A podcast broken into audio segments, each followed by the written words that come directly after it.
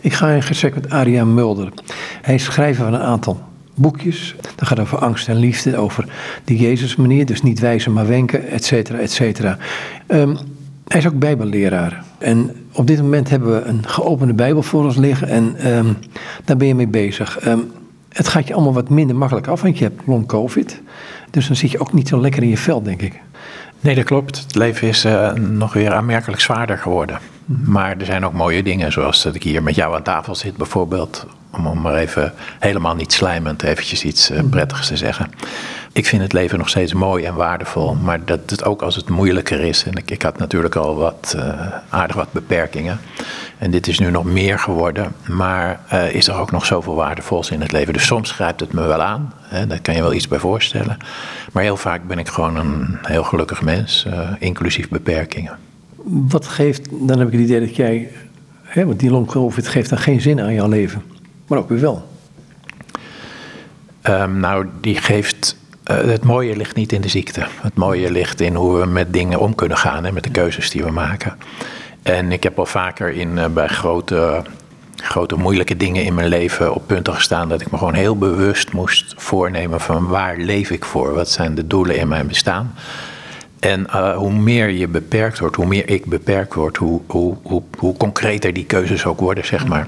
Dus op de een of andere vreemde manier wordt. Uh, nou, kijk, de belangrijke dingen in mijn leven, dat zijn mijn familie en vrienden, zeg maar, de, mensen vlak om me heen. En dat onderwijs mag ik, wat ik mag geven met het preken en het schrijven en al die dingen. En uh, dat is wel gewoon wel heel erg bijzonder dat ik dat kan. Hè? Dus dan zit ik gewoon hier maar op mijn kamer in mijn eentje voor een groot deel.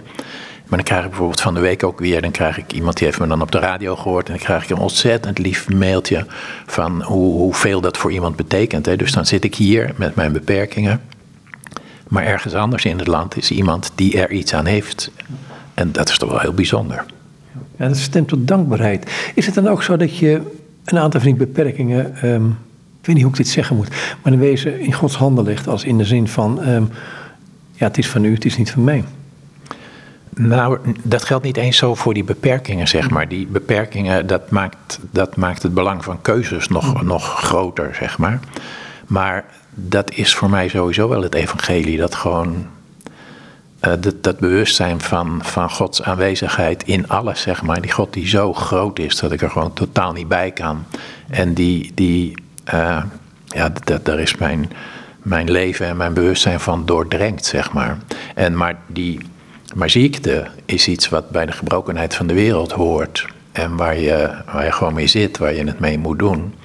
En ja, op een bepaalde manier, maar ik wil het niet te mooi maken, zeg maar. Hè. Dat wordt wel eens, vind ik wel eens te veel geromantiseerd. Maar ziek zijn, omdat het je dwingt tot preciezere keuzes, maakt op een bepaalde manier ook weer dat je andere mensen beter kan zien. Dat je uh, de liefde uh, beter kan beleven. Gewoon de liefde voor mens en wereld en alles. En de liefde voor God. Dus dat effect heeft het wel. Maar als je het me eerlijk vraagt, zou ik liever wat minder pijn en moeite hebben en uh, gewoon wat meer ontspanning in mijn leven, weet je. Dus, dus ik ga dat niet romantiseren, maar het effect is er zeker. Je zou liever gaan pingpongen of tafeltennis heet dat? Nou, zeg dat wel, wat ik jaren gedaan heb, bij tafeltennis, ja. Een zware sport, hartstikke leuk. Maar, uh, nou ja, dat soort dingen. Gregorius van Nyssa zei van ons gestamelde, ons Spreken God is een gestamel, meer is het niet. Ja, mooi hè. Alles, ook, ook ons spreken naar elkaar toch, is ook een gestamel. Want we willen, we willen liefhebben, maar we willen ook niet gekwetst worden. Dus er zit altijd die dubbelheid in de omgang met elkaar. En die zit eigenlijk ook, denk ik, in onze omgang met God. Uh, we willen liefhebben, maar het is eigenlijk ook te groot voor ons. Dus ja, woorden zijn. Ik heb wel zo gezegd, eigenlijk is ieder woord is een metafoor. Ieder woord is een vergelijking, zeg maar. Want de woorden zijn niet het wezen, zijn niet de kern, zijn niet de werkelijkheid. Het zijn manieren om dingen te omschrijven. En dus ook in ons gesprek met God. Ik denk dat het diepste contact wat we met God hebben eigenlijk gewoon woordeloos is. In het stadium voor woorden, zeg maar. Stilte kan er heel mooi in zijn, in, in die aanwezigheid. Maar goed, waar gaan we het over hebben? Want uh, je hebt iets voorbereid. Ja, ik heb het evangelie van Marcus opengelegd. En ik zou iets willen lezen, straks even een heel verhaal lezen, een samenhangend verhaal uit het begin van Marcus. Maar eigenlijk wil ik het dan eerst even een aanloop nemen om het in zijn verband te zetten. Want als we in Marcus gaan lezen, dan zie je in het begin van Marcus dat Jezus op weg gaat, dat hij in zijn bediening gaat, zoals dat genoemd wordt dan, dat hij gaat preken en dat hij mensen geneest en dat er gewoon heel veel gebeurt. En in die eerste hoofdstukken van Marcus is het dan heel opvallend dat er gebeurt heel veel. Hè? Marcus is een evangelie vol met actie. En in die eerste hoofdstukken zie je dan dat, dat wat Jezus doet, dat het enorm aanslaat. Dus er komen enorme mensenmassa's op de been. Direct al. En dan doet Jezus die twee dingen. Hij preekt en hij geneest mensen. Hij doet wonderen. Wij zouden zeggen, die wonderen, dat is natuurlijk een prachtige reclame voor het evangelie. Als Jezus iemand geneest, of hele volkstammen geneest, dan is dat natuurlijk een geweldig iets en dat trekt heel veel mensen. En het doet me ook wel een beetje denken aan onze tijd, dat, dat wij als God iets doet, hè, want God doet nog steeds zichtbare dingen, zeg maar, wonderen gebeuren. Ik, heb het wel eens verteld, maar dat heb ik zelf mee mogen maken, hè, dat ik verslaafd ben geweest en dat mijn moeder een eenvoudig gebed bad en dat ik in één keer uh, bevrijd was.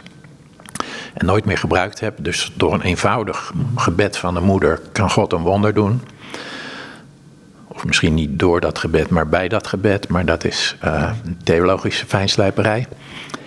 Maar wat wij ook nu nog wel de neiging hebben, als God dan iets doet, hè, als er dan een wonder gebeurt, dan springen we met z'n allen eromheen, springen we op het podium en dan roepen we, kijk, God heeft een wonder gedaan, God bestaat echt, je moet ook in God geloven, zie je wel dat het echt is. Maar dat is ten eerste al niet helemaal eerlijk, omdat heel veel mensen, omdat verreweg de meeste mensen niet genezen. Dus als we dat consequent zouden doen, zouden we ook moeten zeggen: hé, hey, hij of zij geneest niet, dus God bestaat niet, dus je moet niet naar ons luisteren. Ik trek het expres even door. Hè. Dus dat is eigenlijk al niet eerlijk hoe we daarmee omgaan. Maar wat voor mij veel meer bepalend is, is hoe Jezus daarmee omgaat. Want Jezus geneest dan een aantal mensen in het begin van Marcus' Evangelie. En dan zegt hij erbij, en dat doet hij vrij vaak, zegt hij, maar je moet het er niet over hebben. Mondje dicht. En dat vinden we raar, want je zegt, dat is toch de beste PR, de beste reclame die je kan hebben. Maar Jezus vindt van niet. Jezus vindt de wonderen geen reclame voor wat hij eigenlijk komt doen. Sterker nog, hij is er heel uitgesproken in. Op een gegeven moment zegt hij, nou, ik ga hier weg. Want al die mensen komen voor die wonderen, maar daardoor kan ik mijn werk niet meer doen. Laten we naar een ander dorp gaan, want dat is mijn taak om het evangelie te preken. Dus daar zie je zo'n heel scherp onderscheid wat Jezus zelf zegt. Hij, ik ben gekomen om die liefde van God uit te leggen en te vertellen en daar mensen toe op te roepen. Niet om wonderen te doen. Dus bij hem, hij doet het wel, hè, uit liefde, uit mededogen natuurlijk. Maar die wonderen zitten hem dus in de weg bij wat hij eigenlijk wil doen. Je zegt het evangelie verkondigen, je noemt het al. Hè? De liefde van God laten zien. Wat is het evangelie? Dat kan je op heel veel manieren omschrijven. En wij weten niet letterlijk hoe Jezus dat verwoordde. Dat is wel bijzonder, want hij, we, zien, we hebben al heel veel gelijkenissen en toespraken van hem. Maar we weten niet hoe Jezus, er staat nergens hoe Jezus deze vraag zelf beantwoord zou hebben. Maar uiteindelijk gaat het erom, hè, zoals Jezus ook aan Nicodemus uitlegt, dat God zo'n geweldige, nee, dat God op deze manier van de wereld houdt, dat hij zijn zoon gezonden heeft. Dus als Jezus in de wereld komt als zoon van God, dan komt hij zichtbaar maken, gewoon door wie hij is en door hoe hij doet, maar ook met zijn woorden, dat voor God liefde het, het wezenlijke is. Hè? God is liefde en niet nog iets anders. God is liefde. En dat is, dat is uiteindelijk de boodschap. Dit is de basis van de boodschap. Dus, en net zoals ik net ook al zei, Jezus roept ons dus op om ons naar die liefde van God te keren, die in Christus zichtbaar wordt. En wij moeten dat dan doen, terwijl we eigenlijk aan de ene kant willen we graag lief hebben. Dat zit in ons allemaal. Maar aan de andere kant willen we ook niet gekwetst worden. En dat is gewoon de last daarbij. En dat, is, dat leidt tot iedere keer weer die keuzes die we moeten maken in hoe we ons gedragen. Maar als je vraagt van wat is het evangelie, dan is voor mij is dat het centrale. Is dat Jezus de luiken open doet naar Gods liefde. Is dat het moment dat het voorhangsel van boven naar beneden scheurde, dat die weg open ligt? En, en waarom is het zo moeilijk voor ons te pakken? Want ehm, je kunt het ook heel veralgemeniseren van, nou ja, doe maar waar je zin in hebt en uh, God heeft je toch wel lief. Um, dat voorhangsel, hè, dat noem je, dat is gewoon heel beeldend. Het is precies waar we het over hebben. De, de luiken gaan open naar de hemel. Het, het is het, het, eh, het heilige, het allerheiligste, om het goed te vertalen. Het allerheiligste gaat open, dus de, directe toegang tot God. En, maar wat ik net ook zei, weet je, we worden natuurlijk altijd ook gehinderd door onze angsten, door onze kwetsbaarheid. Dus dat maakt de praktijk wat lastiger. En vandaar ook dat we ook worstelen met die vraag die je ook opwerpt van, kunnen we dan maar alles doen? En, maar dat is ook een beetje een angstvraag, want uiteindelijk is het zo dat wij doen niet dingen omdat het moet of omdat het wel of niet mag, maar wij doen dingen omdat we het willen.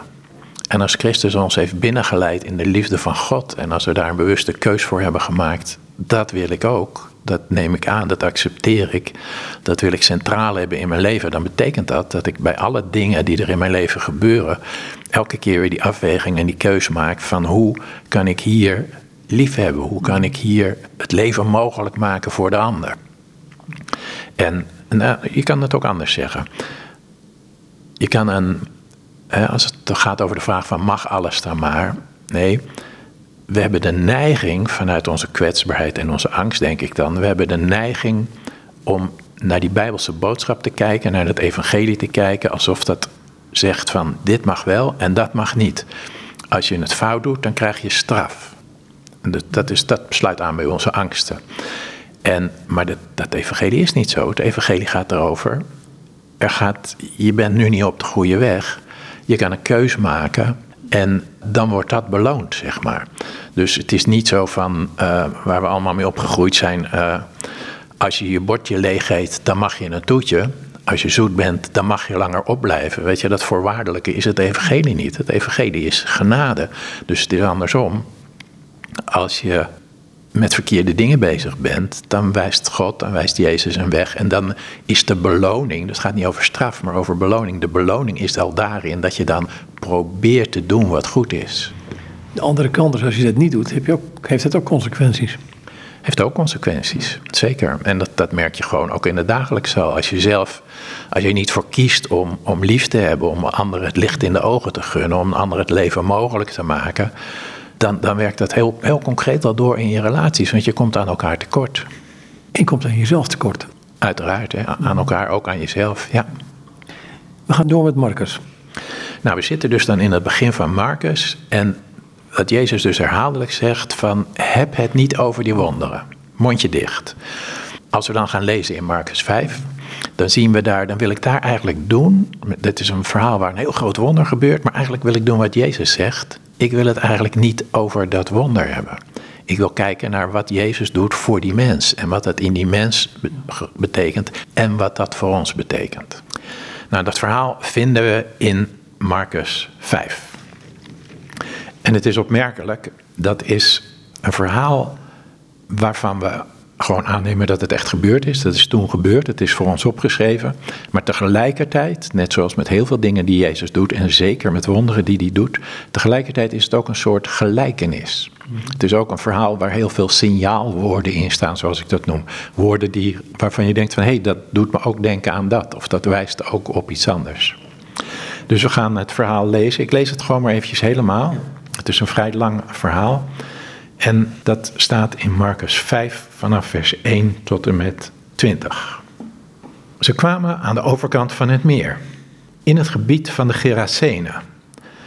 Toen hij, dat is Jezus, uit de boot gestapt was, kwam hem meteen vanuit de grasspelonken een man tegemoet die door een onreine geest bezeten was en in de spelonken woonde. Niemand kon hem meer vastbinden, zelfs niet met kettingen. Hij was al dikwijls aan handen en voeten geketend geweest, maar dan trok hij de kettingen los en sloeg hij de boeien stuk en niemand was sterk genoeg om hem te bedwingen. En altijd, dag en nacht, liep hij schreeuwend tussen de rotsgraven en door de bergen en sloeg hij zichzelf met stenen. Toen hij Jezus in de verte zag, rende hij op hem af en wierp zich voor hem neer. En luid schreeuwend zei hij: Wat heb ik met jou te maken, Jezus, zoon van de Allerhoogste God? Ik bezweer je bij God, doe me geen pijn. Want hij had tegen hem gezegd: Onreine geest, ga weg uit die man. Jezus vroeg hem: Wat is je naam? En hij antwoordde: Legioen is mijn naam, want we zijn met velen. Hij smeekte hem dringend om hen niet uit deze streek te verjagen. Nu werd er op de berghelling een grote kudde varkens gehoed. De onreine geesten smeekten hem: Stuur ons naar die varkens, dan kunnen we bij ze intrekken. Hij stond hun dat toe. Toen de onreine geesten de man verlaten hadden, trokken ze in de varkens en de kudde van wel 2000 stuks stormde de steile helling af, het meer in en verdronk in het water. De varkenshoeders sloegen op de vlucht en vertelden in de stad en in de dorpen wat ze hadden meegemaakt. En de mensen gingen kijken wat er gebeurd was. Ze kwamen bij Jezus en zagen de bezetenen daar zitten, gekleed en bij zijn volle verstand. Dezelfde man die altijd bezeten was geweest door het legioen. En ze werden door schrik bevangen. Degene die alles gezien hadden, legde uit wat er met de bezetenen en met de varkens was gebeurd. Daarop drongen de mensen er bij Jezus op aan om hun gebied te verlaten. Toen hij in de boot stapte, smeekte de man die bezeten was geweest om bij hem te mogen blijven. Dat stond hem niet toe, maar hij zei tegen hem: Ga naar huis, naar uw eigen mensen en vertel hun wat de Heer allemaal voor u heeft gedaan en hoe hij zich over u heeft ontfermd. De man ging weg en begon in de Decapolis rond te vertellen wat Jezus voor hem had gedaan. En iedereen stond verbaasd. Dan heb ik één opmerking als ik dit hoor. Hij zie, op een gegeven moment ziet hij uh, die bezetenen, die demonen spreken uit. Gij zijt Jezus, de Zoon van de Allerhoogste, ben ik ik heb ooit dit vanuit de orthodoxe hoek horen vertellen dat demonen waren in eerste instantie de enige die herkennen dat Jezus de Zoon van God was. En Jezus legde hun over het algemeen het zwijgen op, want zij wisten wie hij was. Ja, ja nou ja, dat zegt iets over hoe de geestelijke wereld in elkaar zit, denk ik dan. Ja. Maar in dit verhaal zou ik het eigenlijk ook niet eens. Ik wil het eigenlijk niet over het wonder hebben. En niet, ook niet over die demonen. Want als je zegt, je kan die ook afvragen, wie praat er nou eigenlijk? Die man of die demonen? En dan zie je dat het enkelvoud en het meervoud door elkaar lopen, maar hij spreekt eigenlijk in het enkelvoud. Dus laten we gewoon kijken naar dat verhaal over hoe het uh, verloopt, zeg maar. Ik heb er toch één vraagje erover. Niet, niet hierover, maar wel over die varkens. Um, um, het blijken uitstekende zwemmers te kunnen zijn, hè, varkens. Oh ja, dat wist ik niet. Ja. Dat is ook een uh, bijzonder aspect in het verhaal, uh, die varkens. Ja. Waarom moesten die vernietigd worden, zeg maar? We kunnen niet alle vragen beantwoorden. En ik kan maar goed, ga, ga, ga naar jouw verhaal want ik val je in de reden. Oké, nou ik zei al, we kunnen niet alle vragen beantwoorden en ik kan dat zeker niet. En, uh, maar ik, ik, ik ga gewoon weer even naar het verhaal vanaf het begin. Als je nou kijkt, dan zie je we zitten nog helemaal in het begin van het Marcus-evangelie.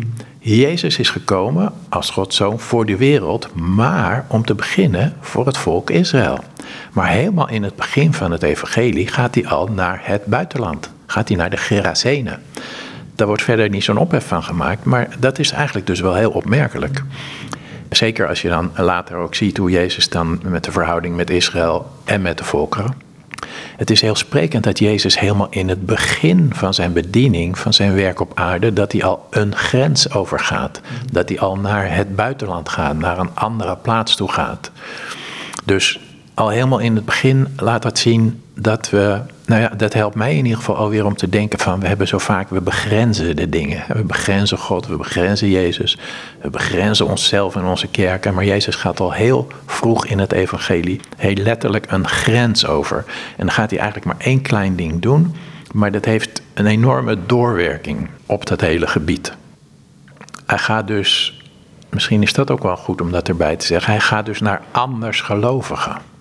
Weet je wel? En wij hebben misschien een beetje de neiging om ons te beperken tot onze eigen groeperingen. Maar Jezus die gaat wel heel snel naar anders gelovigen. En daar gedraagt hij zich net zoals hij zich overal gedraagt. Hij helpt mensen. Nou, dan zien we deze man en er staat er in vers 2 dat hij bezeten is. Nou, daar kunnen we ook over gaan theoretiseren. Wat is dat dan? Weet je wel, was dat, waren dat was dat iets van buitenaf? Waren dat inderdaad letterlijk boze geesten die van buiten kwamen? Of was die man misschien, uh, wat we nu zouden noemen, had hij, was hij psychisch gestoord? Had hij hele grote problemen? Voor mij is dat niet echt een vraag, want dat helpt ons niet verder. Maar die varkens hadden wel een probleem mee, want die verdronken. Ja, dus dat duidt dan weer op een macht van buiten. Maar ik, ik zeg het even zo, omdat dat als we ons als we ons daarop richten, weet je, ik heb te veel preken en bijbelstudies gehoord dat, dat de mensen probeerden uit te vogelen hoe zit het dan precies met boze geesten en hoe werkt het dan dit en dat. Maar de essentie ook van dit verhaal en van het evangelie is niet hoe zit dat allemaal precies in elkaar. Dat kan ook wel eens nut hebben om daarover na te denken. Maar wat doet Jezus nou met die mens en wat betekent dat voor die mens zijn leven?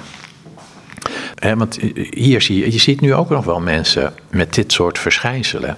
En, maar de, de vraag is niet van, van waar komt het door, maar hoe kan iemand verder geholpen worden? Dat is uiteindelijk de vraag. En dat is het hier ook. En dan zie je dat die man die leeft bij de doden in de grafspelonken. En dus hij leeft wel, maar hij leeft tussen de doden. Hij is een soort levende dode. En hij heeft ook met niemand verbinding. Hij is helemaal alleen, zeg maar. Hij slaat zichzelf met stenen. Dat gebeurt nog, hè? niet met stenen, maar zelfmutilatie. Ik heb het zelf ook van nabij meegemaakt. En het is een aangrijpend iets dat, dat, dat mensen dus zo, zo het leven kwijt zijn. Zo de relatie met alles en iedereen kwijt zijn. Dat de enige manier om nog te voelen dat ze leven is om zichzelf pijn te doen. Wat een enorme eenzaamheid en wanhoop zit daarin. En dat is dus het hele beeld van die man. Hij, is, hij leeft wel, maar eigenlijk is hij al dood, zeg maar. En ik kan nauwelijks voelen dat hij leeft. Dan zie je ook, eigenlijk zie je dat nu ook nog met mensen met psychische problemen. Is dat die mensen kunnen zo ontzettend eenzaam zijn. Weet je, die kunnen zich niet met een ander verbinden. Ze kunnen geen contact maken. Ze kunnen zich niet met anderen verstaan. Ze, ze maken alleen maar alles ingewikkeld. En dat bestaat nu nog. En ik vind dat zelf gewoon een heel moeilijk iets in het leven. Want nou ja, los het maar eens op. Wij zijn Jezus niet. We kunnen niet bij iedereen die bezetenheid uh, wegjagen, zeg maar. Die eenzaamheid, dat zich niet kunnen verbinden. En het is wel heel tekenend. En als je het hebt over, over gelijkenis en een beeldend verhaal en signaalwoorden, dan zie je dat hier ook. Want een van de eerste dingen die we over hem lezen is: niemand kon hem meer vastbinden. Er spreekt dus een hele geschiedenis uit van dat er al heel veel jaren waarschijnlijk dat die man zo moeilijk en zo gevaarlijk is geweest dat ze probeerden hem vast te binden. Nou, dat is ook een trefwoord in dit verhaal, want ze bonden hem vast met kettingen, met touwen, met sloten, met van alles. Maar de werkelijkheid was dat hij juist helemaal geen verbinding had, dat ze zich niet met hem konden verbinden. En dat is wel een heel treffend iets en dat speelt door dit hele verhaal heen. Wat wij willen is ons met elkaar verbinden, hè? liefhebben. Maar we zijn ook kwetsbaar en die man was gevaarlijk en ze kon, kon hun dus kwetsen. En dus moesten ze hem op een andere manier vastbinden. En daar, maar dat is een heel diep menselijk dilemma ook. Van als we ons niet met de ander kunnen verbinden, dan kunnen we ook de neiging hebben om hem toch vast te binden, zeg maar. En dat gaat veel breder dan alleen voor zo'n bezeten of gestoorde man. Want dat gaat ook over, of tenminste, ik herken dat ook in die situaties waarin we dus geen, ons niet met de ander kunnen verbinden, maar dan gaan we de ander vastbinden. Dan proberen we hem vast te leggen. En dat kunnen we op allerlei manieren doen. Dat kunnen we doen met morele regels, zeg maar, wat iemand wel of niet mag doen. Uh, met voorschriften. Ik denk dat we dat in de kerk ook gewoon zelfs wel doen dat we de mensen, en net zoals Jezus dat van de fariseeën ook zegt, dat we ze allemaal voorschriften opleggen, dat we de mensen proberen vast te binden, terwijl de enige vraag, of althans de diepste vraag, de meest primaire vraag die het evangelie aan ons stelt, is dat we de ander lief hebben. Dat we ons met de ander verbinden. Maar dat is vaak moeilijk, dat vinden wij moeilijk en de situatie maakt het vaak moeilijk. En dan nemen we vaak onze toevlucht tot allerlei andere manieren om elkaar vast te binden, zeg maar. Zeg je dan in wezen dat we eigenlijk willen dat de ander zich conformeert aan de groep? Uh, ja, inderdaad. In ieder geval willen we. Kijk, dit is een extreem voorbeeld. Hè. Die man was gevaarlijk. En ik zeg even gewoon heel duidelijk erbij: dat gebeurt nog. Hè. Sommige mensen zijn zo gevaarlijk, dan moet je gewoon uit de buurt blijven. Dus gewoon je nuchtere verstand. Maar als mechanisme, het, hier wordt iets getekend van de mens die door de zondeval zo beschadigd is dat allemaal fundamentele dingen niet meer goed werken. En dat geldt voor ons ook. Ja, dat, dan hebben we de neiging dat de ander moet zich conformeren aan onze groep, aan de regels die we hebben, de uitgesproken en de onuitgesproken regels, aan de beleidenis van onze kerk, die, die dan een heel groot gewicht krijgt, maar ook, ook heel vaak gedragsregels. Gewoon onuitgesproken dingen van dit doen we wel en dat doen we niet. En als je het niet doet, ga je over de schreef en dan word je daarop aangesproken, wordt er iets van gezegd. Uiteindelijk is dat voor onze eigen veiligheid. Kijk, we bedoelen het goed. We willen we denken dat die regels ervoor zijn. En in principe zijn ze er ook wel voor om, om dingen goed te laten verlopen. Hè? Want in ieder verband heb je afspraken, heb je regels, in iedere soort organisatie, ook in de kerk. Maar daaronder zit ook dat wij ons veiliger voelen als die ander zich ook aan onze regels houdt. Lijkt me een hele lastige dit, want ehm, jij zegt net, oké, we willen graag de ander lief hebben, we willen gezien worden, we willen geliefd zijn. Um, en dat is we hebben de neiging die liefde dan die heel ruim is, eh, toch te formateren, denk ik. Ja, dat komt door die spanning die er is tussen die liefde die we willen, maar ook dat we onze kwetsbaarheid, dat we gekwetst kunnen worden. Dus als we het dan kunnen formateren, zoals je dat zegt, als we dat een vorm kunnen geven, een bepaalde vorm waar iedereen zich aan moet houden, dan vermindert de kans dat wij zelf, dat het iets ons pijn doet, dat we gekwetst worden, dat die ander ons pijn kan doen. Maar kun je dan met anders denkende, anders, mensen die anders zijn omgaan? Um, ik bedoel in de zin van, um, ligt daar niet ook niet, niet, niet uh, juist in die acceptatie van de ander zoals hij is? Ook niet de mogelijkheid tot, tot gemeenschap? Uh, ja, absoluut. Uh, maar er zit gelijk, er zit daar een kanttekening bij. Ik denk dat dat de God houdt van de wereld. Hè? God houdt van iedereen evenveel. En het, de vraag van het evangelie is dat wij dat ook doen. En, maar dat is gewoon in de praktijk lastig, want mensen die ons pijn doen, dat is een beetje lastig om daar het goede voor te willen. Om die, maar dat kan, hè? in de praktijk kan dat. Hè? Ik denk dat we allemaal die voorbeelden hebben. Waarbij je ook altijd weer moet zeggen dat het liefde in de Bijbel niet gaat over dat je iemand aardig vindt of dat je een goed gevoel samen hebt, maar dat je het goede voor de ander wil. Dus dat je ook hem het leven wil gunnen, het leven geeft, zijn leven mogelijk wil maken. Ja, dan, dan is daar altijd die spanning de ander accepteren, zeg je. En daar, daar zit ook, ik denk dat daar gevoelsmatig gelijk ook al iets lastigs in zit. Want dan lijkt het net alsof we ook alles goed vinden wat die ander doet. Maar dat is verschillend, hè? dat zie je bij Jezus ook. Hè? Jezus heeft het eigenlijk nooit, die focust nooit op wat mensen verkeerd doen, maar altijd op wat ze nodig hebben. Nou, als wij dat nou ook een beetje zouden kunnen leren, dat dat je iemand accepteert, betekent niet dat je alles goed vindt. Het is net als met, met je eigen kinderen. Je, je accepteert ze, je houdt van ze, maar ze doen wel eens iets wat niet mag. Gewoon kleine dingetjes al. Hè? Als ze klein zijn op de keuken, eh, op het aanrecht klimmen, zeg maar. Hè? Niet doen, mag niet. Dat betekent niet dat je niet meer van ze houdt. Dus iemand accepteren, dat is de ene kant, dat willen liefhebben. Heel, helemaal open zijn naar de ander. Maar ook om kunnen gaan met de dingen die je moeilijk vindt. Of die je niet oké vindt. Die, die vindt dat niet kunnen en het daarover kunnen hebben met elkaar. Hoe trad Jezus deze man tegemoet? Voordat ik dat eh, wou doen, wou ik nog één dingetje opmerken over dat begin van wat we net gelezen hebben. En dat is dat de man naakt was.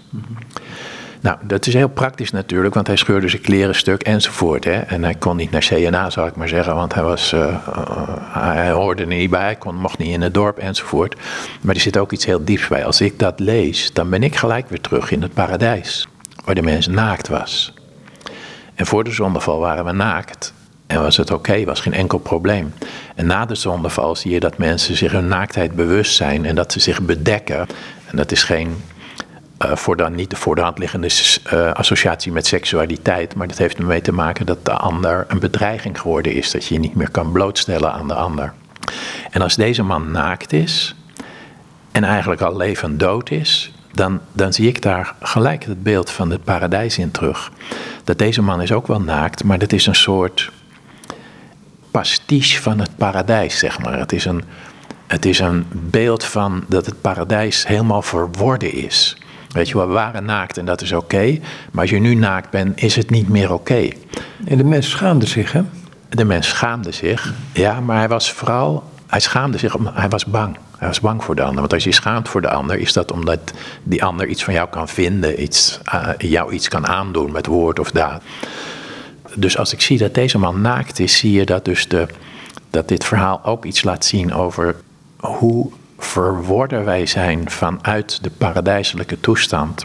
En dat is uiteindelijk waar Jezus op ingrijpt, waar Jezus op ingaat. En straks, hè, verderop in het verhaal, is die man gekleed. Want dat is onze situatie nu. We lopen niet meer uh, bloot over straat.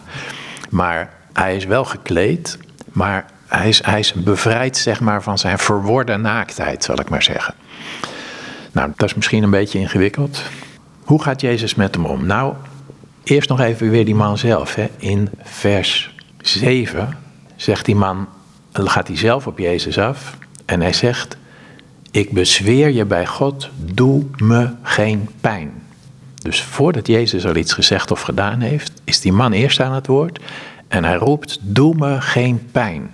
Nou, daar spreekt zijn hele persoonlijke geschiedenis uit. Ze hebben hem altijd pijn gedaan en hij begreep het niet. Nee, hij deed zichzelf ook pijn. Hij deed zichzelf pijn. En, maar ook dat de mensen hem vastbonden, dat begreep hij natuurlijk niet. Want dat is nu ook nog hè, met mensen.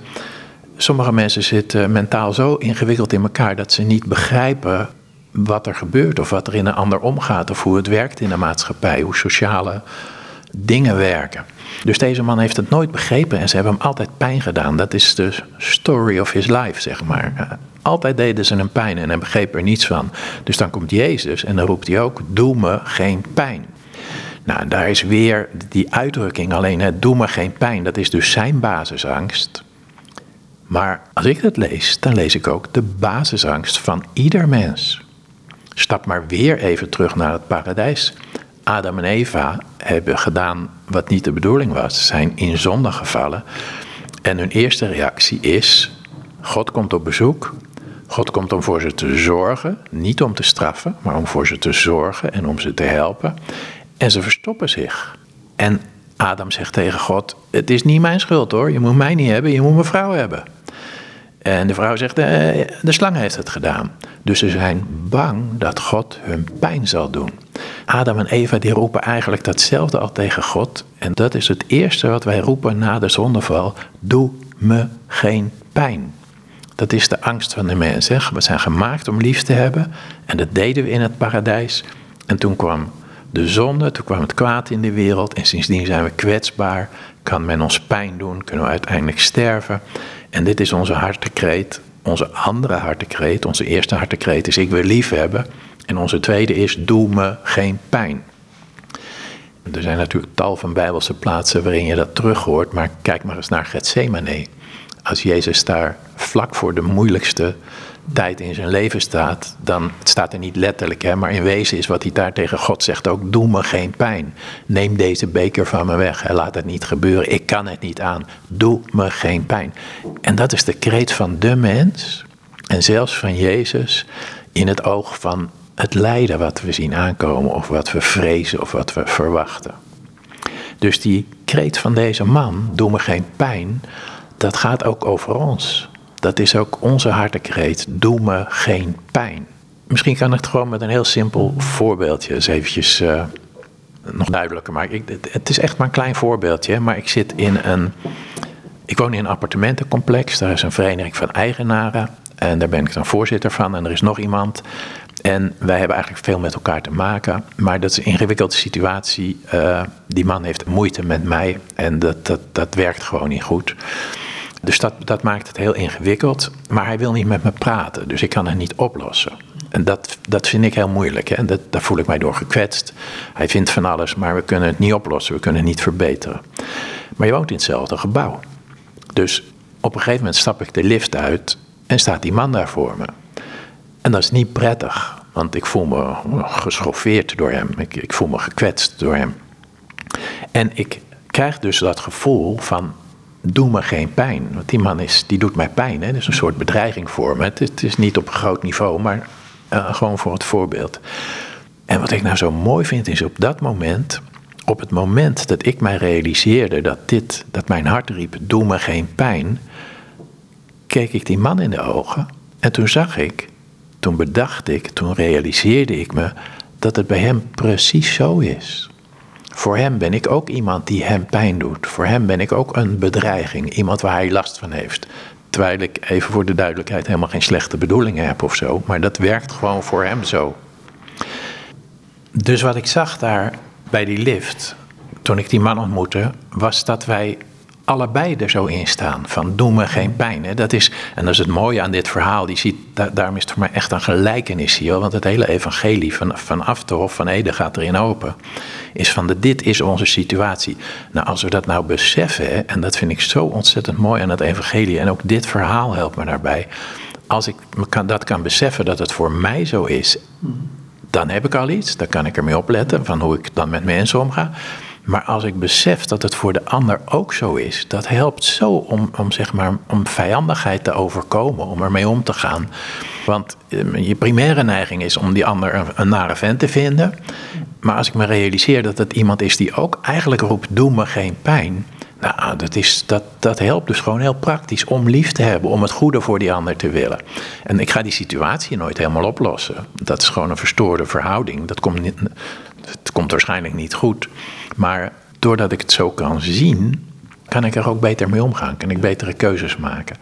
Dus wat dat betreft vind ik dit een heel erg rijk verhaal. Maar je vroeg net naar die varkens. Hè?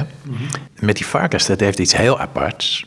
Maar het heeft wel een functie ook in het hele verhaal. Maar de vraag waarom die varkens er nou aan moesten, of dat ze volgens jou ook goed zouden kunnen zwemmen, eh, dat zijn vragen die ik niet kan beantwoorden. Maar wat ik wel zie is, wat er gebeurt in het verhaal is dat dit leidt tot een confrontatie met de dorpelingen. Wat er gebeurt is dat die varkens eraan gaan, die raken ze kwijt, maar die man, die krijgen ze terug. Ik vind het ten eerste al, al heel opmerkelijk hoe Jezus ermee omgaat. Want dat vroeg je net, hè? want hoe gaat Jezus met die man om? Nou, hij gaat eigenlijk heel zakelijk met hem om. Hij spreekt zijn boze geesten aan, hij spreekt zijn probleem aan en daar doet hij iets mee. Maar je ziet hem eigenlijk nog niet echt met die man zelf in verbinding. Dat is pas laterop in het verhaal. Maar hier, die varkens, die gaan er allemaal aan. En wat er dan gebeurt is dat die mensen reageren met schrik. Nou, dat is ook weer heel treffend. Er gebeurt een groot wonder. Je zou kunnen denken van, nou, dat is mooi. Laat hem even Jan noemen. Het hele dorp ziet, Jan is weer gezond. En Jan die heeft gewoon weer kleren aan. Jan die praat helemaal normaal. Jan doet geen gevaarlijke dingen meer. Hij doet niemand pijn. Hij doet zichzelf niet pijn. Jan is weer helemaal normaal. Maar dat is niet de reactie. De reactie is schrik. Zo erg zelfs dat ze zeggen: Nou, Jezus, jij moet ook weg, want het, wij vinden dit allemaal maar eng. Ga maar weg. En daar zie je ook weer, weet je, waar we mee begonnen is dat wonderen zijn niet per se een reclame voor het evangelie. Want als het hier alleen om het wonder ging, direct, een eerste reactie is schrik. En pas later, en misschien als die man er met hun over gaat praten, helemaal aan het eind van het verhaal lezen we dat ze er naar luisteren en dat ze verbaasd zijn. Dus dan is de schrik, de angstreactie, is omgezet in verbazing, in verwondering van hoe zit dat. Dus daar hebben ze tijd voor nodig. Nou, dat vind ik wel heel treffend om dat ook zo te lezen, want daar zouden we heel moraliserend over kunnen doen. Van, oh zie je, hun, hun dorpsgenoot is weer genezen en ze zijn niet eens blij met hem. Weet je wel, ze, ze zijn bang en ze schrikken. Dat vind ik niet zo verstandig als ze daar zo moraliserend over ingaan, want dat gebeurt gewoon. En als we eerlijk zijn, denk ik dat we dat in onszelf ook kunnen herkennen. Onze eerste reactie op dingen is vaak schrik. Gaat het me pijn doen? Wat gaat er gebeuren? Economisch zeker. Economisch zeker, want dat is hier ook het geval. Hè? Want hun reactie op, uh, die wordt daardoor ook getekend. Want alle varkens van het hele dorp zijn er misschien aan. Hè? Dat, daar, daar lijkt het dan een beetje op. Maar ook die schrikreactie. Ik vergelijk het wel eens met en dat heb ik zelf ook gewoon echt, gewoon, ik denk best wel vaak verkeerd gedaan. Toen ik kleine kinderen had, dan gebeurde er wel eens. Dan deden kinderen wel eens iets wat niet mocht. Hè? Laat ik zeggen dat ze op het aanrecht klommen en er vanaf vielen. En dan vallen ze eraf en dan huilen. En je eerste reactie als liefhebbende ouder is vaak schrik. En dat je dan zegt van, wat doe je ook? Doe ook. Ja, je, je wordt boos eerst hè? Je bent boos. Doe niet zo dom. En, maar dat is natuurlijk niet wat het kind nodig heeft. Wat het kind nodig heeft, is dat je hem oppakt. Dat je een kusje op die plek geeft, dat je hem troost, pleister erop, weet je wel. Ja, dat is ook mooi. Dat is het verschil tussen Jezus en ons. En wat wij gewoon steeds meer een beetje mogen leren, is dat die schrikreactie, dat is onze primaire reactie. Dus een reactie, we reageren op wat iemand fout doet. Maar wat Jezus doet, is dat hij niet kijkt naar wat iemand fout doet, maar wat hij nodig heeft. Nou, net als in het voorbeeld met die kleine kindjes. Je weet wel wat ze nodig hebben. Je moet ze knuffelen en troosten. En later, als het uitkomt, dan vertel je ze een keer dat het niet zo verstandig is om op het aanrecht te klimmen. Kortom, die schrik van die mensen hier in het dorp is ook gewoon heel begrijpelijk. Want ze, er gebeurt iets heel groots en ze reageren met schrik. En daar kan je nog iets aan zien. En het is wat we eerder ook al benoemd hebben, is dat ze op dat moment, ze hadden geen band met die man. Want dat is ook anders. Hè? Want als je een sterke band met iemand hebt en gebeurt dan zoiets, dan is het veel eerder komt het in je op om hem plat te knuffelen en te omarmen en te zeggen: Oh, wat fijn Jan, wat heerlijk voor je. En je kan zien dat ze dus geen band met hem hadden. En dat wisten ze al, want de enige banden die ze hadden, dat waren kettingen en touwen. Want ze konden zich niet met hem verbinden. Dus dat zie je er ook aan. Maar Jezus laat hem niet met zich meegaan nadat hij hem met hem gesproken heeft. Nee, dat is een bijzonder aspect aan het verhaal. Ik vind het heel mooi dat het verhaal daarmee eindigt. Want het gaat ook weer over ons. Hè. Wat die man wil, is, hij heeft altijd angst gehad voor de mensen. Ze hebben hem altijd pijn gedaan. En nou komt Jezus en hij is van die pijn bevrijd. Hij kan gewoon met mensen omgaan. En hij wil in die sfeer blijven. Hij is zo dankbaar en blij. Hij wil bij Jezus blijven. Want hij wil eigenlijk daar altijd wel van genieten. En ik vind het een heel mooi beeld, ook gewoon voor nu, hè, voor ons. Ik zal het met andere woorden zeggen. Hij wil eigenlijk gewoon altijd wel in de kerk zitten. Fijne liedjes zingen. Het goed met elkaar hebben. Met God bezig zijn. Weet je wel, dat soort beeld. Maar Jezus die zegt, nou nee, dat is niet het idee. Je moet gewoon op je eigen plek zijn, waar jij thuis hoort. Ik zeg het tegenwoordig ook wel eens zo, dat God is niet voor in de kerk, maar God is voor in je leven. En dat is een beetje, dat, dat proef je bij die man, hij wil in dat fijne, wil die blijven.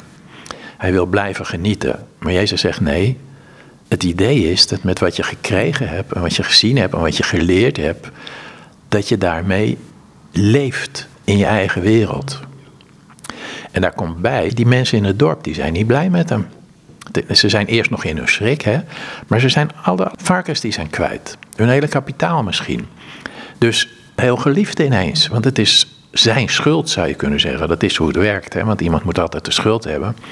Dus hij komt daar terug in het dorp, zeg maar. En ze zullen zeggen van ja, Jan, fijn dat je weer gezond bent, maar hoe zit het met die varkens van ons? Wie gaat dat betalen? Heb je wel een goede rechtsbijstandverzekering, om het maar even in onze termen te zeggen? Dus ze kijken hem erop aan. Jezus die heeft zijn leven helemaal veranderd, heeft hem bevrijd en hij stuurt hem terug om precies datgene te doen wat hij nu kan, namelijk om zich te verbinden met de mensen. Maar niet in die, ik zal maar zeggen, kerkelijke setting, in die veilige setting van bij Jezus te zijn en fijn genieten van die verbinding met die mensen waarvan je zeker weet dat ze van, van je houden. Maar hij moet zich juist in de setting met mensen die afwijzend tegenover hem staan, die hem misschien niet moeten. Of die misschien nog steeds bang zijn. Die denken, ja, nu heeft hij gewoon weer een pakje aan, maar morgen loopt hij misschien weer, gaat hij ons weer allemaal aanvallen. Dus ze zijn bang. En dat vind ik eigenlijk wel ook weer, dat is ook zo'n prachtig beeld, weet je. Want God roept ons niet, ik zeg het expres eventjes een beetje plat, God roept ons niet om in de kerk te zitten, maar om in de wereld te leven. Met datgene wat hij ons geeft, met die liefde die hij mogelijk maakt. En dat is wat deze man ook als taak krijgt. En eigenlijk is het natuurlijk zo voor iedereen die dat wonder van Jezus in zijn leven heeft ontvangen, heeft mogen meemaken, dat Jezus in je leven komt en je een hele nieuwe start geeft. Is dit eigenlijk voor iedereen de opdracht? Dat, ik zal het maar gewoon maar zo zeggen, dat de wereld jouw kerk is. Dat de, jouw leven, jouw omgeving, jouw situatie, dat is de situatie waarin die liefde van God met al onze beperkingen, zichtbaar mag worden, gedaan mag worden. Met tegenstand, met moeilijke dingen, met lastige dingen. Dus de opdracht van deze man is om zich te verbinden met mensen die niet direct tot verbinding geneigd zijn. Nou, dat is ook onze situatie van na de zondeval. Maar goed, tegelijkertijd, als ik even naar deze situatie ga, en dit is is het ook wezenlijk dat je gewoon bij elkaar komt. De kerk is, uh, is wel de plek waar je samen God kunt aanbidden en, en voedsel kunt krijgen, of, of hoe je het ook noemen wilt. Of, of God kunt dienen. Ja, natuurlijk. Ik zeg ook niks. Eh, dat is goed hoor dat je dat vraagt. Want ik, heb, ik zeg niks tegen de kerk. Want het is geweldig dat we zo. Uh, en het Nieuwe Testament is er al vol van. Hè, die vroege kerk, hoe je vol En met grote blijdschap, zoals het in Handelingen 2 vers 42 staat, zijn ze dan bij elkaar. Dat is ontzettend mooi dat we dat gekregen hebben. Maar wat ik net zei, en misschien een beetje korter de bocht, is dat we ons niet daartoe beperken, zeg maar. Want God is bedoeld voor ons leven. En in de kerk, daar kunnen we leren met elkaar, daar kunnen we genieten van God, kunnen we genieten van elkaar. Dat zijn uh, verschrikkelijk mooie dingen. Ik ben zelf vooral heel erg van het leren. Ik hoor graag dingen waarvan ik denk, oh ja, daar kan ik weer wat, kan ik weer verder. Maar wat ik zei over, en wat je hier ziet in dit verhaal, is dat, dat we wel op weg gestuurd worden de wereld in. Gewoon onze plek van leven, waar dat dan ook is. Dus um, hij leeft in die spelonken, ver weg van het dorp, alleen uh, bij de doden. Hij komt dan in het dorp en um, ja, dat is de plek waar het toch gebeuren gaat, schijnbaar.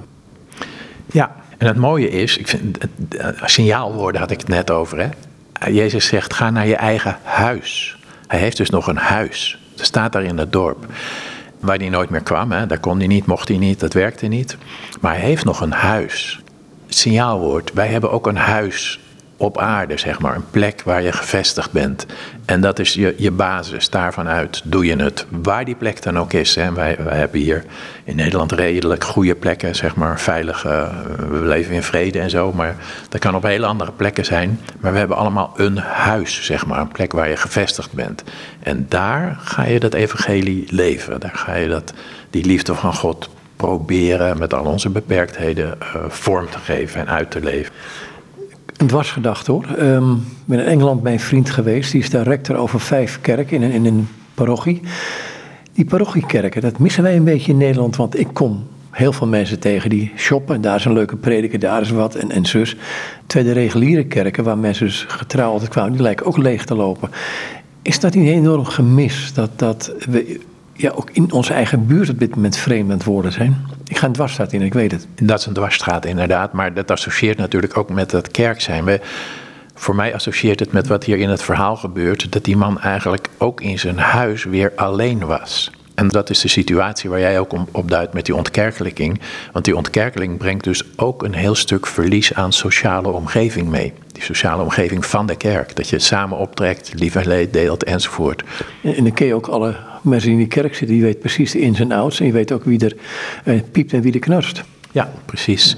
En dat wordt gewoon door de secularisatie en dat is door corona versterkt. Hè, dat we nog meer zijn kunnen shoppen. En dat is altijd zo geweest. Hè, maar dat je van de ene naar de andere kerk gaat. Maar dat is nog sterker geworden. Maar dan, dan vind ik dit verhaal ook wel heel tekenend. Toch hebben we allemaal ergens een huis, een plek waar we gevestigd zijn. En het is ontzettend fijn en heel belangrijk als je met medegelovigen kan optrekken. Hè, want het is, dat is gewoon, nou ja, dat hoef ik eigenlijk niet uit te leggen. Dat is gewoon een heel, heel mooi iets. Maar uiteindelijk gaat het om ons huis in het dorp, zou ik maar zeggen. De plek waar je gevestigd wordt en waar je actief bent. En voor mij, dat geldt bijvoorbeeld ook, ik gaf net zo'n voorbeeldje van die vereniging van eigenaren. Ik woon hier, gewoon heel letterlijk. Dit is mijn huis in dit dorp. En er is in dit, op deze plek ook iemand die mij niet moet, zou ik maar zeggen. En hoe helpt het mij dan met dit verhaal dat ik die basisangst voor de ander, hè, dat we niet gekwetst willen worden, dat ik dat ook bij die ander kan herkennen. Mm Ik denk, nou God, zo wil ik graag in mijn huis op aarde wonen. En ik vind het niet prettig, die, al die, die, die botsingen en die conflicten en die onuitgesproken verwijten. Maar dat is mijn huis in de wereld, dus ik moet daarmee dealen. De situatie is naar. Het is net een beetje zoals net, dat je net vroeg naar mijn gezondheid. Hè. De situatie is naar, maar die biedt ook weer, dat evangelie geeft je handvaten om ermee om te gaan.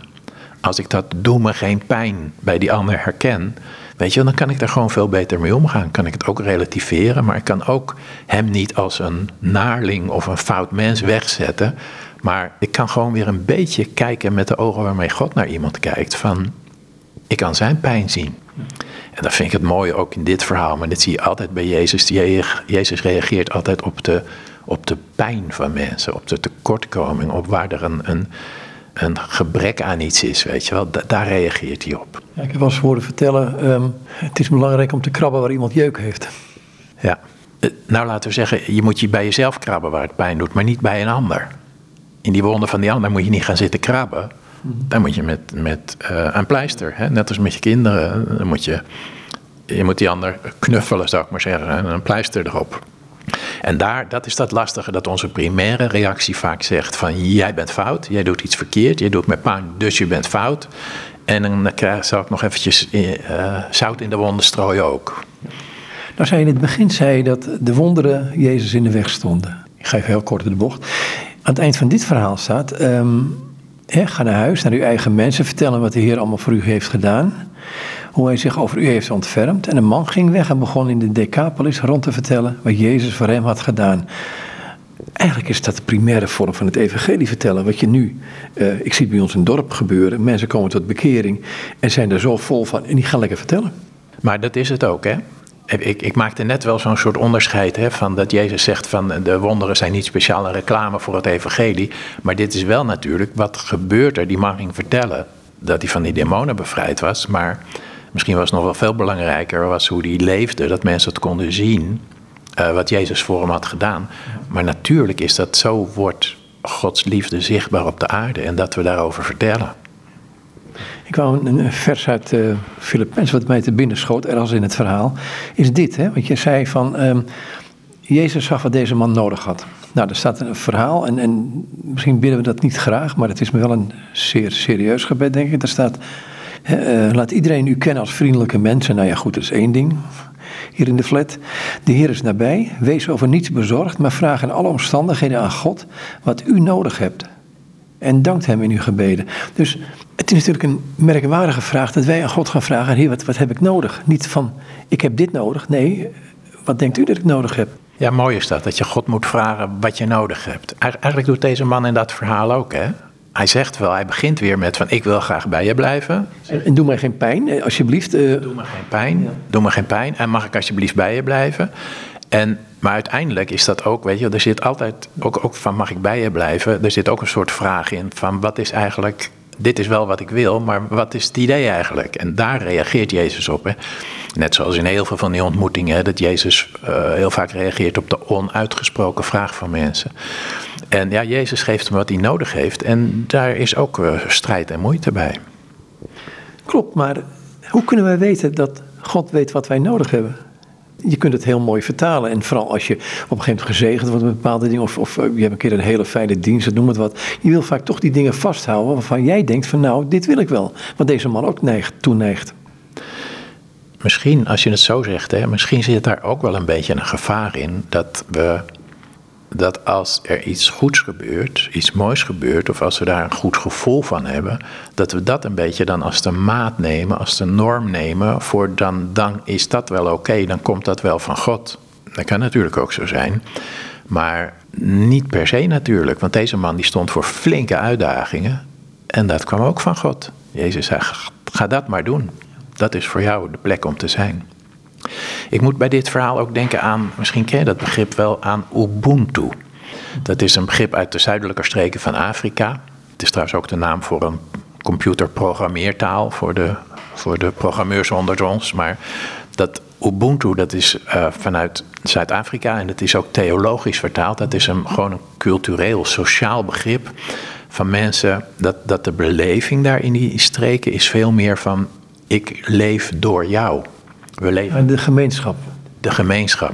Kijk, ik woon alleen en ik kan het heel goed uh, met mezelf vinden, zou ik maar zeggen. Ik kan goed alleen zijn. Maar mensen uit die streken vinden dat vaker moeilijker, omdat ze gewoon daar veel meer in opgegroeid zijn van dat je met elkaar leeft. Je leeft door de ander is niet alleen maar vandaar. Dat is natuurlijk ook wereldwijd uh, zo'n iemand als uh, Jonathan Sacks, de voormalige opperrabijn van Engeland, die prachtige boeken geschreven heeft, die zegt dat ook, hè, van, ook in het Jodendom, zeg maar, dus ook gewoon in wat God doet op de wereld, is het ook van je leeft door wat je geeft aan de ander.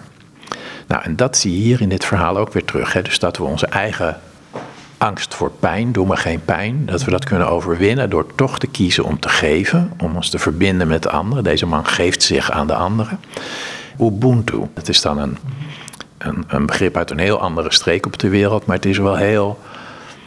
Nou, Jezus is ook wel heel erg Ubuntu, zal ik maar zeggen, om het even in die woorden te zeggen, weet je wel. Want hij brengt, hij verbindt zich met deze man. Deze man kan zich verbinden met anderen. We leven door de ander. Als ik, als ik naar dit ga, dan, dan uh, die demonen herkenden Jezus, dus die werden weggestuurd.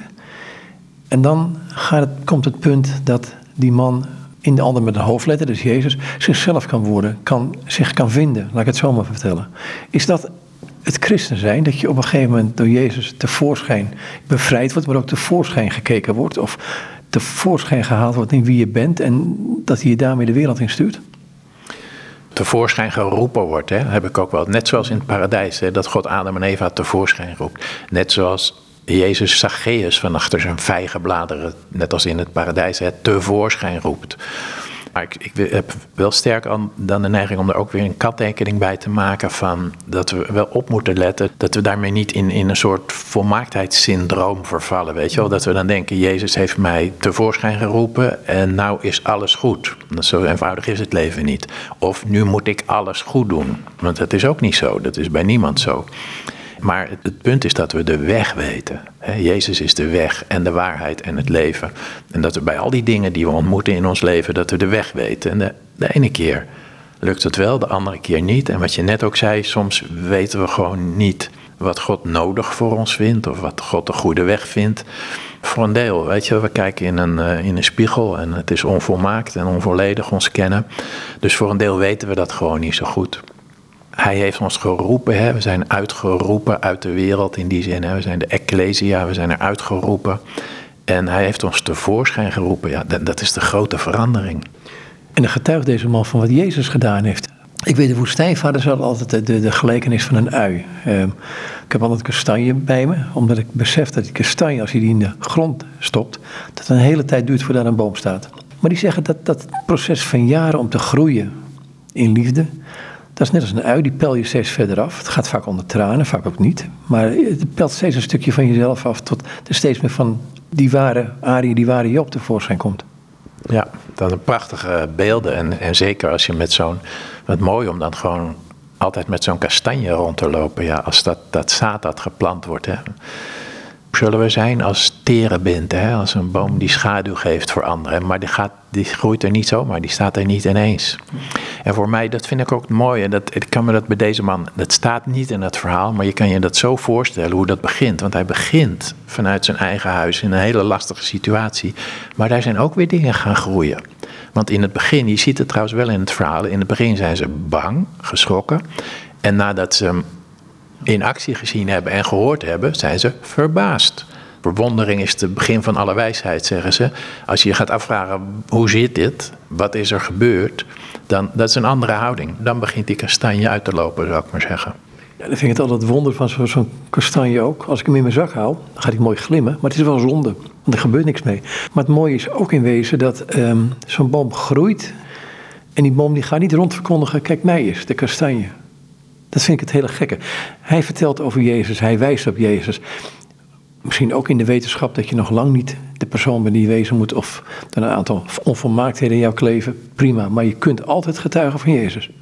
Die kastanje ook, die moet sterven op zich. En er komt nieuw leven, maar dat is iets anders. Dat is een boom, dat is geen, dat is geen zaadje, dat is een boom.